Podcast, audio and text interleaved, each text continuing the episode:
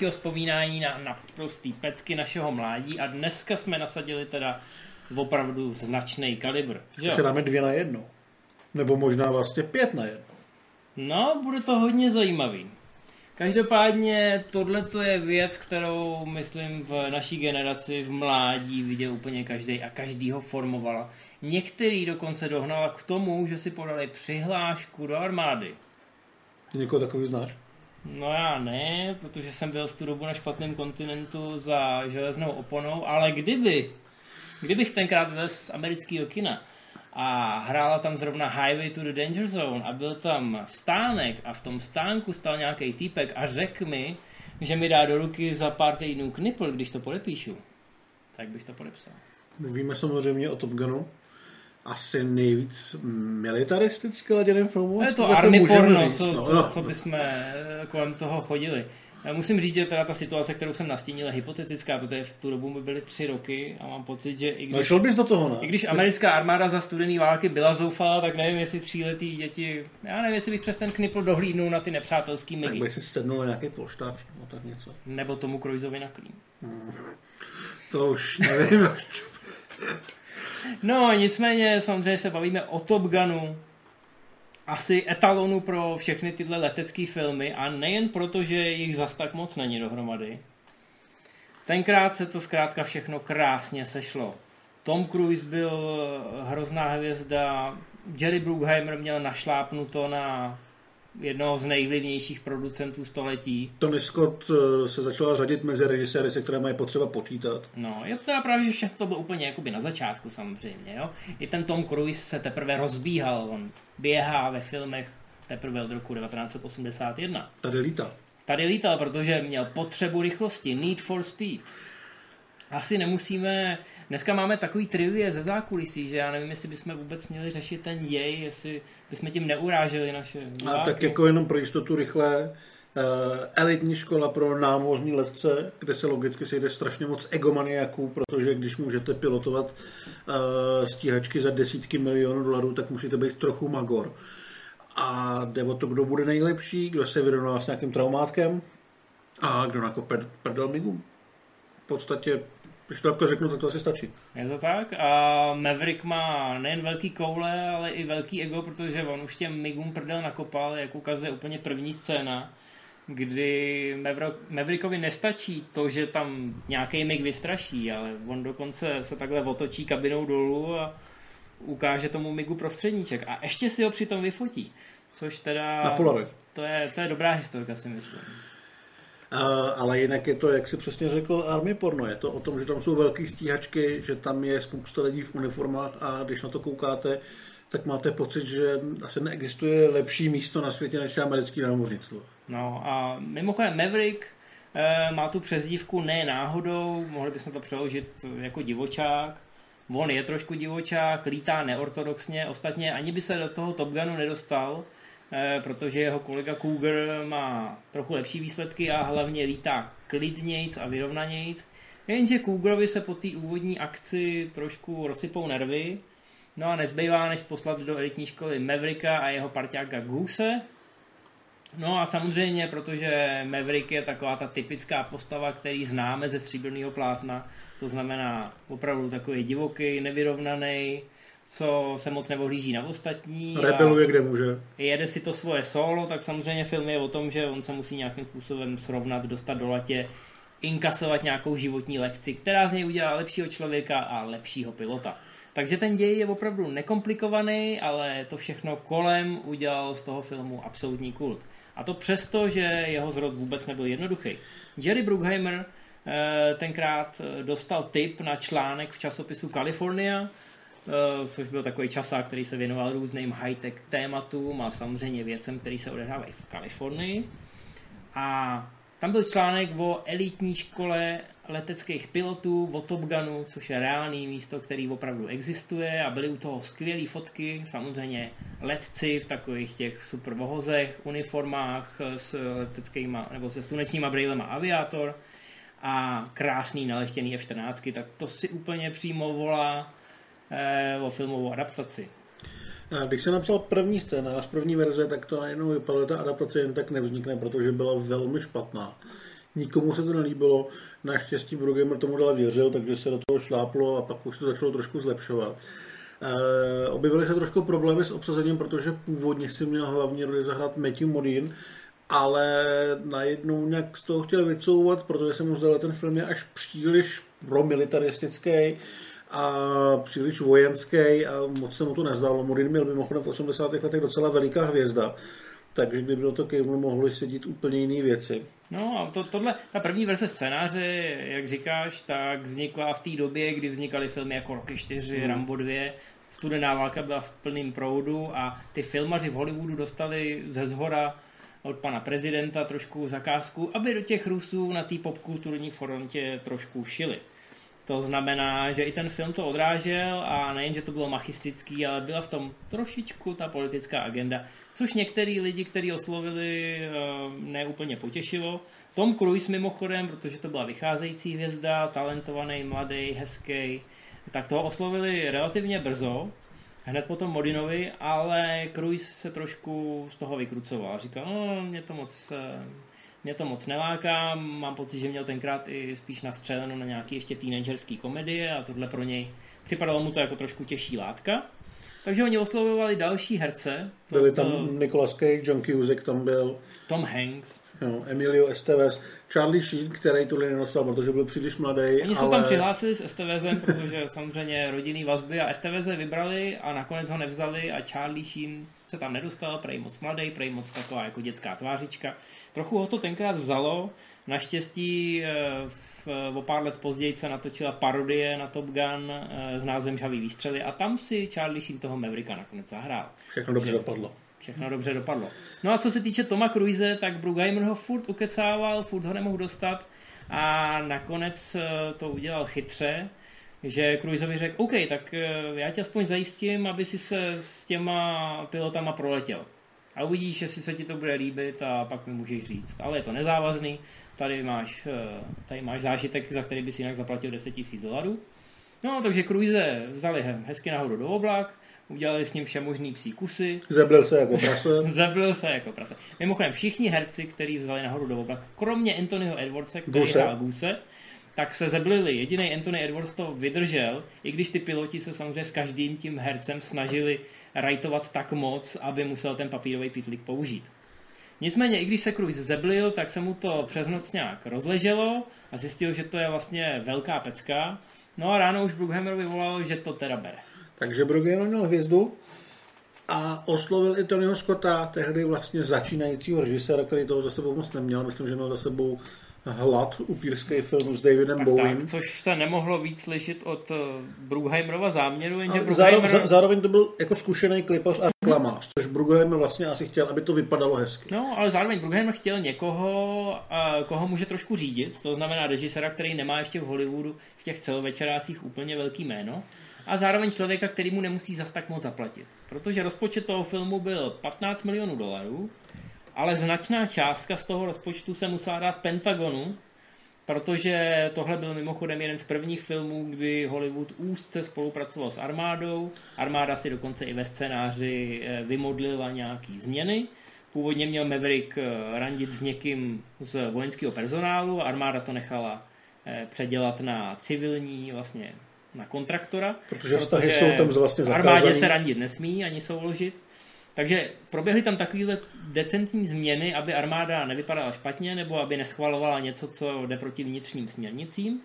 No a za to Pentagon řekl, OK, tak nám dáte pár milionů dolarů a my vám zajistíme stíhačky a veškerý další hardware, letadlové lodě, instruktory z Top Gunu, zkrátka všechno, co budete potřebovat, aby to bylo co nejautentičtější.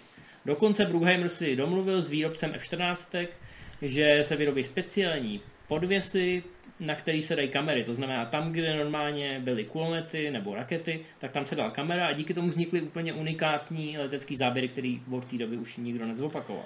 Eh, samozřejmě tvůrci měli trošku problém v tom, že uh, snímat ty věci z těch kamer nebylo úplně obvyklý, takže měli povolený asi jenom dva, dva, dva lety s tímhletím. Tudíž eh, těch záběrů je tam několik eh, po každý z jiného úhlu, No, ale tam je natočený při stejný Tam příležitosti. je hlavně problém s odpalem raket, protože armáda dovolila jenom dva, dvě odpálené rakety, protože co kdyby ta raketa někde někam spadla, skončila, špatně vybuchla, takže jim povolili jenom dva odpaly a samozřejmě ve filmu je těch odpalů mnohem víc, protože potřebujete se střelit minimálně, mám pocit, tři migy Mhm. v závěrečné scéně a mezi tím je tam spousta jiných scén, kde se ty rakety používají. Takže filmaři a hlavně střihači museli být hodně kreativní a občas ten záběr třeba povotočili o 90 stupňů nebo ho trošku nazumovali, ale jsou to po každý stejný dva odpaly, takže to je trošku eh, limitující, ale jinak jsou ty záběry těch F-14 samozřejmě úžasný a stály spoustu peněz. I když byl tenkrát eh, benzín hodně levný, tak tyhle stíhačky ho hodně spotřebujou. Takže s tím rozpočtem se muselo šetřit a no Tony Scott se zachoval... To dneska to řek- moc neuměl. Řekněme neprofesionálně úplně na začátku, protože první scéna, která se natáčela, byla na letadlové lodi, ta, co vidíme v úvodních titulkách, jak se tam ten personál po té palubě hezky promenuje a má tam takový ten taneček při západu slunce. No a já myslím, že můžeme říct, že jsou dva lidi v Hollywoodu, kteří byli ujetí na západ slunce a to je Michael Bay a Tony Scott. Ty, zkrátka, když viděli tu oranžovou, tak to bylo, jak když vlk vidí úplněk. Jako Michael Bay respekt, ale Tony Scott byl schopný zaplatit a ukecat kapitána té lodě, aby udělal otočku tak, aby tam měl hezký záběr toho sluníčka. No, protože Tony Scott točil a točil a točil a najednou se ta letadlová loď nějak jako začala otáčet, tak on jde za kapitánem a říká, co, co se děje. No, jednoduchý, my následujeme mořský proud, že aby jsme se dostali tam, kam potřebujeme, aby jsme nespálili zbytečně moc paliva.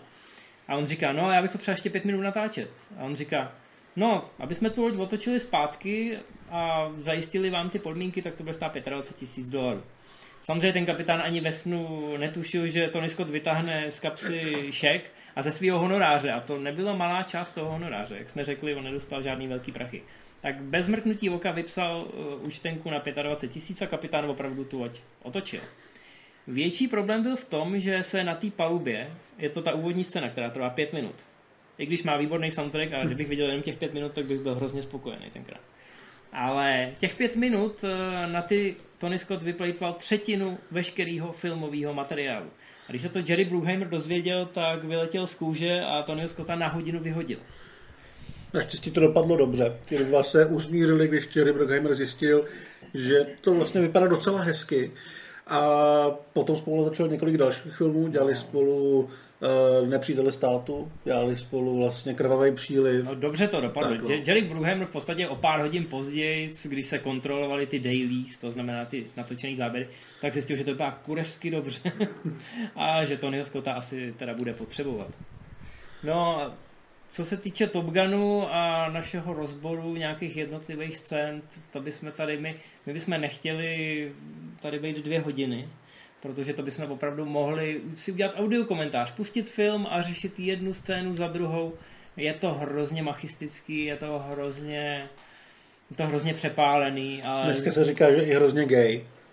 Je tam ten homoerotický podton, jako je to přiznaný, že jo, a na, ale v 80. letech se to bralo úplně jinak a já myslím, že když kluci hráli ten volejbal, tak jim, Když se to, jezdilo na ocase. tak jim to vůbec nepřišlo, prostě byli naolejovaný a ale já když jsem to tenkrát viděl, můj otec hrál volejbal závodně, ale já se mu teda omlouvám, já jsem to nikdy nepodědil. A nikdy jsem nepochopil tu hru, kdy musíš jako stát na tom místě, na té pozici, takže mě to nikdy nebavilo. Ale potom, co jsem viděl Top Gun, tak jsem na pět minut uvažoval o tom, že tuhle kariéru bych si třeba i zvolil. Jakože kdyby ti šel volejbal, tak by tě možná vzali do toho letadla. jo. Nešlo mi o ty kluky, ale šlo mi o ty jako double high five, low five, šlo mi o to točení tím míčem na ruce a o ten sixpack a všechno. Ale nakonec, nakonec k tomu nedošlo. A nedošlo ani na tu kariéru leteckého pilota. No. Nicméně spousta těch scén mě tam inspirovala k nějakým životním změnám. No, v každém případě na příští rok se chystá další Top Gun. Top Gun Maverick. Je to dlouho připravovaná dvojka, kterou vlastně Cruise plánoval už eh, s Tony Scottem před pár lety. Bohužel Tony Scott už není mezi živými, takže za ní zaskočí uh, Josef Kosinski, který dělal Trona, dělal Nevědomí a já nevím, jestli bude schopný navázat na tu poetiku toho Top Gunu, ale na druhou stranu budu rád u toho, až to v těch nebude. Ale jako Kosinský je samozřejmě velký otazník a je velký otazník, jestli vůbec dvojku dělat. Já vím, že potom, co Tony Scott eh, odešel, myslím, že se myslím, že se shodneme na tom, že to bylo dřív, než eh, k tomu mělo dojít, tak vím, že Tom Cruise řekl, že to bez něj točit nebude. Byla tam určitá ta doba, kdy se to teda pětně opustilo, ale teď už se k tomu zase vracíme a myslím si, že i ta reakce na ten první obrázek, který Cruise uveřejnil, kdy tam ten Maverick stojí s tou helmou a je tam ta hláška z Need for Speed, tak eh, ta odezva, kterou to mělo, tak myslím si, že lidi se těší na někoho, eh, hmm. na takovýhle návrat na báječný letce s ocelovými ptákama, navíc Maverick řekl, že to bude odkazovat na tu jedničku, že to nebude o dronech, ale že to bude o těch poctivých high-tech stíhačkách a že tam bude ten Maverick tak, jak si ho pamatujeme a bude tam zase nějaká rivalita. Tak eh, to myslím, že všichni chceme. Ta jednička byla ve své době nejúspěšnější film roku, mělo to obrovský úspěch, podepsal se na tom určitě nejen ta technická stránka, která byla úchvatná, a, ale i to, že byla doplněná naprosto fantastickým soundtrackem. Hmm.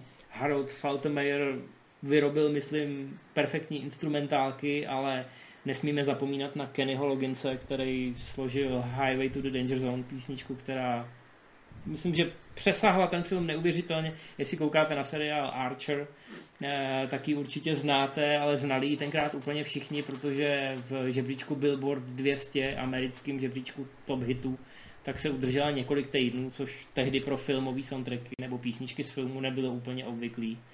Byla tam samozřejmě i ta písnička od Berlin, Take My Breath Away, která hrála při eh, milostní scéně, která původně v tom filmu vůbec nebyla. Eh, Jerry Bruckheimer neměl pocit, že v homoerotickém filmu by měla být nějaká scéna s ženou, i když tam samozřejmě Maverick na začátku hned se snaží někoho zbalit. A Goose mimochodem chodí s Meg Ryan, že jo? Má s ní dokonce dítě. Takže ten porton byl tak jako spíš hranej.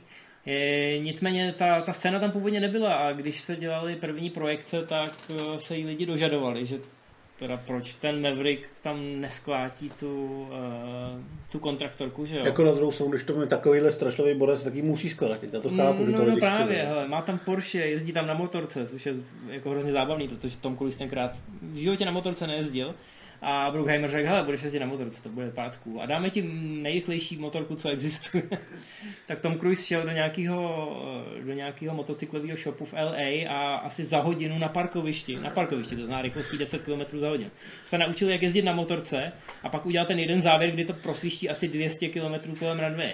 A přežil to, no. Vždycky to byl Magor. si myslím, že to je, to je začátek těch kruizových magořin. No. Každopádně milostná scéna se natáčela těsně před premiérou, asi pět měsíců po eh, původním natáčení. Tom Cruise měl delší vlasy, protože točil už jiný film. Kelly McGillis měla mnohem delší vlasy, protože točila něco úplně jiného. Takže ta scéna se odehrává tak jako v přítmí. No a přesto z ní byla kultovní eh, část filmu, protože tam právě hraje ten soundtrack, který, ta písnička, byla potom taky extrémně úspěšná v hitparádách. Takže spousta těchto věcí, která se povedla eh, tak nějak náhodou, že se to do, doslepovalo a ten film byl obrovský úspěšný. Prodej těch slunečních brejlí vzrostly asi čtyřnásobně. Já ale mám. hlavně, No, no. Koukám, že to je taky super. No, to je tenhle typ Bravey, že jo. A samozřejmě musíte mít Ray-Ban aviátor, protože jinak to není ono. E, prodalo se víc těch kožených bund, těch motorek, ale hlavně pětinásobně e, z rozpočet náborů do letectva. Armáda se toho samozřejmě chytla a rozestavila ty stánky přímo před kina. Dokonce tam pouštěli do repráku toho Kennyho Lodgince. To znamená, že ty lidi, co vylezli z těch sálů a byli v tom věku, kdy se můžou do té armády verbovat, tak okamžitě to tam začali podepisovat, protože každý chtěl být Maverick. Nikoho nenapadlo, že berou jedno promile hmm. Eh, těch rekrutů do toho Top Gunu, ale hold eh, to takhle dopadlo, armáda na tom vydělala. Jediný, kdo nebyl rád, tak byli samotní instruktoři v Top Gunu, dneska se tam, dodnes, dodnes platí, že musíte zaplatit 5 dolarů pokutu, pokud, pokud použijete jakoukoliv hlášku z toho filmu. To je tam, by jim vybuchla hlava, kdyby to tam nebylo. To znamená, jakmile začnete citovat Top Gun tam, i když jste tam třeba jenom na návštěvě, protože tam se samozřejmě dělají exkurze, tak musíte zaplatit, protože to je kapitální, eh, kapitální hřích. A vlastně k tomu filmu je ještě docela dobrý říct, že je super i dneska hlavně proto, že moc podobných nevzniklo. Uh, měli jsme tady vrtulníkovou ohnivou eskadru s Nicolasem, Nicolasem Cagem, což není úplně super film, A je tam i Tommy Jones, myslím. Skoro nikdo ho nezná. Tommy Lee Jones tam hraje instruktora Nicolase Cage. A Nicolas Cage hraje Mavericka, taky rebel, který se dělá věci po svém. No, a je, je, to docela dobrý film, mimochodem, jo. Ještě existuje mimochodem z těch vrtulníků existuje Modrý hrom, což je takový Robocop, akorát z vrtulí. To je popravdě film, který mě v dětství úplně nejvíc zklamal, protože to měl být super vrtulník. A on byl super, ale jenom díky tomu, že měl nějaký odposlouchovací zařízení a světle. Já jsem čekal nějaký rakety navaděný laserem a podobné věci. Víš no, co? ale dělá tam lopping, jako dělá tam vývrtku s vrtulníkem a následně to potom eh, přispělo k tomu, že vzniknul se Airwolf a to byla velká pecka. No. Nicméně z těch leteckých, podle mě i proto, že byl problém eh, natočit dobrý letecký film, tak eh, vzniknul v podstatě jenom Stealth od Roba Kohena. Což není dobrý film což není dobrý film a tam už si navíc hrajou s tím, že umělá inteligence a stíhačky bez pilotů a versus stíhačky s pilotama a nějaký morální dilemata. I když je to dobře obsazený, tak to není moc dobrý film a ne moc dobře odsípá. Je tam pár pěkných scén, je tam výborná scéna, kdy se tankuje ve vzduchu a začne to všechno hořet. To krásně vypadá. No a je to hodně CGIčkový, no, když to tady v tom Top Gunu máš ty opravdu určitě, určitě. Takže si myslím, že jestli to někdo spasí, tak to bude právě druhý Top Gun a já jsem rád za to rozhodnutí, že tam budou normální stíhačky. Určitě. Takže doufejme, že to bude dobrý. Nicméně, teď už jsme teda zabrali hodně času Top Gunem, ale nesmíme zapomenout na další film se stíhačkama, který oslovil celou generaci mladých lidí. A čekalo měl, se, že ji osloví mnohem, mnohem víc. Měl premiéru ve stejný rok, dokonce o pár měsíců dřív. Spolupracovali na něm stejný lidi jako na Top Gunu, co se týče letců a instruktorů. A dokonce stál víc peněz, o 3 miliony tuším. Top Gun stál 15 milionů a tohle stálo 18 milionů. A ten film dámy a pánové, se jmenuje Železný orel. Kolikrát jsi to viděl? Hele, asi 20krát. Já taky. Já jsem to měl nahraný a viděl jsem to přesně v tom věku, jako jsou ty hrdinové. Železný orel se totiž od Top Gunu liší zásadní věcí. V Top Gunu jsou dospělí lidi, kteří jsou v elitním programu a vy jim zkrátka žerete, že jsou nejlepší na světě. A mají ty ega, který prozrazují, že jsou nejlepší na světě. Ať už je to Maverick nebo Iceman, tak jsou to prostě krutý borci kterýma chcete být. Mm. Když to v tom železném orlovi, tam jsou teenagery, kterýma vy třeba jste, a ty jsou na, eh, na vojenský základně. A jsou to ty děti toho personálu té vojenské základny. Hlavní hrdina v podstatě začíná tím, že lítá na cestně. Takže lítá žádný frajer. Ale jako má to po tátovi, protože táta lítá na stíhačce a je to obrovský borec až do chvíle, kdy letí do Libie, která se teda jmenuje Bílie, protože je to fiktivní zemička, ale všichni víme, že je to Libie, že? Mě vůbec nenapadlo. No a sestřeli ho tam, zajmou ho tam a teď se to hrozně zdlouhavě řeší politicky, že jo. A je to politický zajatec a nemůže ho tam tu dostat. No a ten mladý, ten samozřejmě si říká, hele, to tak jako neschopný, já bych pro toho tátu klidně třeba doletěl a všechno to tam vymasil. Zkrátka to, co vás napadne po tom, co jste hráli, já nevím, Retal nebo TFX nebo nějakou to je hodně po pamětníky, co? Já to znám, LHX Ace Combat, dobře, ten je nový, ten, ten třeba znáte. No prostě nějakou videohru, jak si říkáte, to je sranda, ne? Když to umím hrát ve videohře, tak to zvládnu i naživo. Zhruba takovou vizi má jeden z těch mladíků, a protože má spoustu kamarádů, kteří jsou takový amatérští hekři a jejich tátové a máme obsluhují tam ty počítače, tak eh, se rozhodnou, že jako parta pro to něco udělají. A zjistí, kde ten jeho táta je, zjistí, jak ho vysvobodit, zjistí, jak si ukrást natankovanou stíhačku. Takže jediný, co zbývá, aby ten kluk se naučil opravdu lítat. A pak přichází Čapy. A tady přichází Čapy. Což není ten divný robot z toho sci-fi Není to ten divný robot, ale ta přezdívka má zajímavou genezi, protože je to vzatý uh, z Tuskegee Airmen, což byla taková ta slavná černožská jednotka. Za druhé světové války. Přesně tak. A Chapio hraje Louis Gossett Jr., což je úplně ideální černošský mentor. Mimochodem na tuhle roli uh, to zkoušel i Morgan Freeman a nevybrali ho. Chápete to? Jako mentorská role a nevybrali Morgana Freemana. Možná to je dobře, já si myslím, že v této roli výborný. Hlavně měl víc, Oscara čerstvě, proto měl Oscara, víc vypadá jako akční hrdina, je takový dobře stavěný docela. Takže v té roli je výborný a ten film je přesně, jak ty si říkal, ideální pro to mladší publikum, protože je to poctivý výcvikáč a je to jako karate kid pro někoho, kdo umí karate a dostává přes držku na ženěnce, mm-hmm tak si řekne, jako když mě mlátí, tak půjdu lítat s letadlama, v tom filmu je vidět, že to jde. Přesně takhle to funguje, já to viděl vlastně, si říkal 20krát, já možná taky přesně v tom správném věku, když jsem si jako říkal, že je to zatravněný letiště kousek za Libercem, že by se, tam mohl jako třeba podívat, jo. A Uh, má to tu správ, má to, to správný naivní kouzlo. Tam jsou třeba kouzelný scény, když on už se naučí lítat, tak ty největší frajeřiny dělá, když strčí do kazeťáku nějak, jo, nějakou, jo, jo. nějakou rokovou Ten věc. mu furt říká, jako vyndej si ty sluchátka z uší. A on říká, ne, když mám tu hudbu, tak se dostanu do toho tranzu a jako konečně to tam, konečně to tam padá. A je to vidět, oni mají ten tréninkový Eh, výlet, kdy vlastně on musí trefit nějaký cvičný cíle a až ve chvíli, kdy si tam dá ten roket, tak mu to konečně začne jít. Ten soundtrack je mimochodem výborný, protože jsou tam používaný takový ty poprokový a rokový skupiny, které tenkrát frčely a je to i v těch kolážích, kdy třeba ty mladí eh, hackujou tu základnu. Hmm. Jo, tam je písnička, já teď nevím, od koho to je, ale to je jedno. Každopádně ten soundtrack je výborný a podbarvuje i hodně akční scény, které jsou na začátku. Jak si říkal, on začíná na cesně a je tam závod Cessna versus motorka, který je hrozně, který je hrozně akční a který třeba inspiroval podobné duely ve Forze, kdy auto e, závodí s letadlem. A je to hrozně podobně akční a hrozně to ten film krásně nakopne a uvede to toho hlavního hrdinu.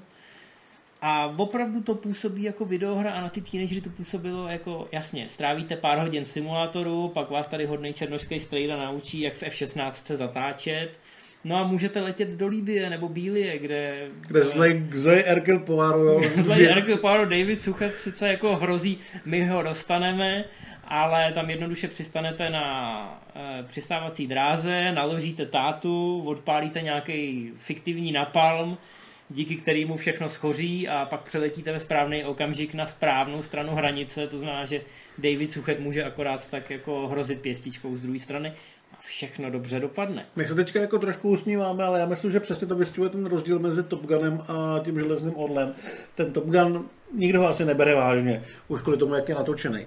Ale mm, ta, ten escapismus tam funguje trošku jak u toho železného hleda. Na to čumíš, víš, že to je blbina, ale že by ti to jako bavilo, kdyby jsi to jako v těch 18 zkusil takhle.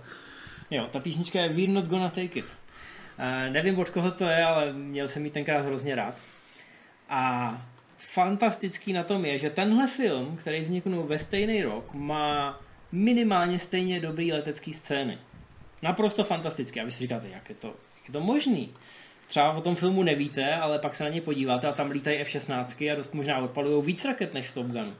Ne dvě, ale třeba tři, nebo pět, nebo sedm, nebo deset. A vy, vy přemýšlíte nad tím, jak to teda americká armáda dopustila. Hmm. Pravdou je, že nedopustila. Stačí se zamyslet nad scénářem, jako jo. Parta mladých hekuje uh, vojenskou základnu a nakonec ukradne F-16, aby s ní šla páchat dobro někam uh, za hranice. Americký námořnictvo si vlastně zajišťovalo u Top Gunu to, že tam nesmí spolu lidi ve stejné uniformě randit, takže hekování by tam fakt jako úplně neprošlo. No, no jakmile takže... si to Pentagon přečet, tak řekl jako ani náhodou, kámo. Takže, takže to šlo do háje, ten film měl kvůli tomu i trošku zdlouhavější nástup, to produkční kolečko šlo vlastně skrz všechny studia a všichni to odmítli. No jenže Sidney J. Fuliek, což byl režisér, tak eh, měl židovský eh, kořeny a díky tomu měl nějaký kámoše u izraelského letectva. No a izraelské letectvo mělo z Brusu nový F-16 a řeklo, samozřejmě přijeďte, natočíme to u nás na letišti, namalujeme F-16, dáme tam něco, aby to vypadalo trošku jako americká stíhačka. Bílý můžeme udělat vedle na zahradě. Ale ne úplně americká stíhačka, protože co kdyby náhodou letěli američani kolem, tak to by bylo foupa. Nicméně namalovali stíhačky z jedné strany, stíhačky z druhé strany a natočili fantastický letecký souboje, aniž by se museli zodpovídat americké armádě. Takže vzniknul železný orel, který ano, je v principu Bčko, ale řemeslně velmi dobrý Bčko a hlavně pro nás, teenagery, tenkrát to bylo důležité poselství, že my na to taky máme. Uh, ten film, jak se říkal, stál asi 18 milionů. Vydělal jich, nebo utočil 24, což bylo jako OK, ale málo. Navíc, bylo to, bylo to navíc slabý. asi 20 krát méně než Top Gun, jak se ten, film šel, ten film šel do kin v lednu, protože se ukázalo, že se točí něco, co se jmenuje Top Gun a shodou okolností jsou v tom stíhačky. Takže oni uhnuli z toho květnového termínu, z toho který byl tenkrát lukrativní, samozřejmě v létě byste viděli mnohem víc peněz, a uhnuli do, do, uhnuli do ledna, aby byli co nejdál od toho Toma Cruise. Jenže v lednu se na filmy zas tak moc nechodilo. Takže to vidělo 24 milionů a bylo to docela slabý. Nicméně se zároveň rozvíjel videotrh, VHSky už se začínaly dostávat do domovů a ten film vydělal na VHSkách eh, docela slušný peníze a díky tomu vzniklo pokračování. Já myslím, že paradoxně díky tomu na tom úspěchu na těch VHSkách se na to složil ten Top Gun, protože hmm. všichni chtěli víc. A najednou, určitě, to, najednou to tu bylo. No, obrovský úspěch Top Gunu je mimochodem daný tím, že Tom Cruise jako první v historii jel na čtyřměsíční globální turné, kdy s tím Top Gunem opravdu objížděli poctivě všechny státy v Evropě a dokonce i nějakou Ázii. Tom Cruise byl první, kdo to udělal v historii. Dneska to dělá každý. Ten film vydělal tolik peněz, že se z toho stala strategie marketingová a od té doby všichni herci musí poctivě objíždět každý za parákov. Takže poděkujte tomu Cruiseovi. No ale když jsme se vrátili k tomu železnému orlovi, nebyl to žádný úspěch, ale nakonec vlastně byl. Je to paradoxní, že železný orel má tři pokračování a Top Gun žádný. Uh, dvojka, mm, ten takhle, Železný orel je zajímavý v tom, že mluvili jsme o tom, že Louis Gossett Junior tam hraje vlastně toho mentora, toho trenéra, uh, toho hlavního hrdiny, ale v každém filmu je jiný hlavní hrdina. Většinou jako mm-hmm. nějak, nějak jako zabijou mimo záběr, aby mohli přijít jiný. Takže ve dvojce se vlastně Jason Kendrick, který hrál v prvním, fíle, v prvním díle, střetne s Rusama, úplně to nerozdejchá a vzniká potom elitní jednotka ruských a amerických letců, který musí zničit tak něco v nějaký bílý. No, to už je po revoluci, takže to už, to už no. bylo jako fér. Uh, trojka, kterou jsem teda, když jsem byl hodně malý, měl úplně nejradši, ale dneska bych se jí fakt bál. Ta se točí okolo boje s drogovým kartelem, do kterého musí zasáhnout přímo čapy a jeho tři kámoši z druhé světové války, který dělají takovou tu leteckou show, takže lítají na nějaký ten Messerschmitt. no jasně, tam je ten krásný kontrast, že tam jsou ty staré stíhačky, ty manuální. A, a proti něm jsou vrtulníky, tam nejsou letadla skoro, že? Myslím, na konci je nějaký super letadlo nebo nějaký experimentální jo, jo, jo. nacistický letadlo, ale jinak tam, Proudový, no. no jinak tam právě lítají, uh, lítají Spitfirey a podobné věci. To často, že si to pamatuješ. Jako, teď se mi to vybavuje, když to říkáš, ale tu trojku si vážně pamatuju matně. A oni tam byli tehdy docela dobrý herci, jo. Tam hmm. byl, kromě Gosseta tam byl... Tam hrál vlastně, někdo, Horst nějaký Bu- Němec, jo, Horst Buchholz hrál toho na tom experimentu. No jasně, a hrál tam... Záporáka. Hrál tam, kdo byl ten Japonec? To nebyl Mifune, to byl ten druhý Street Fighter. Jo, někdo, no. No. Sony Chiba. Sony Chiba tam hrál, pak tam byl J.E. Freeman a ještě pár takových jako fakt veteránů, kterých si přišli zablbnout, protože já nevím, jako když je 60 a najednou dělali v blbém filmu, kde můžeš lítat jako v takovém letadle, řekneš jako, že lítáš, jako, že jo, no. No a vidíte, chodící encyklopedie.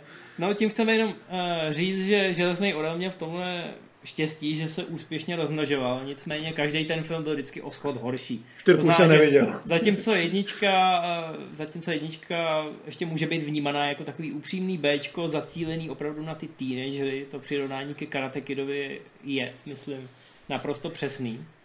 Ale říkám, zároveň jsou tam epické scény, celý to finále, kdy on přiletí pro toho tátu a ten táta jako čumí, že jeho syn v F-16 se pro něj přiletěl, tak to je, to je boží. Zkrátka, když to zažijete ve správný okamžik, tak to se vám vreje do duše.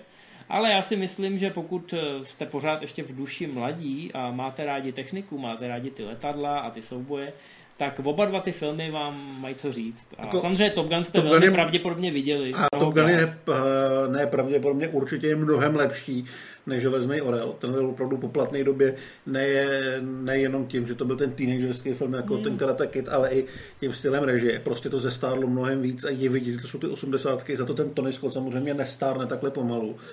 Ale to kombo je, je hezký, je hezký se na to podívat celkem je z toho jasně vidět, proč eh, lidi se pak hlásili do té armády, do toho letectva a podobně, protože to prostě bylo cool.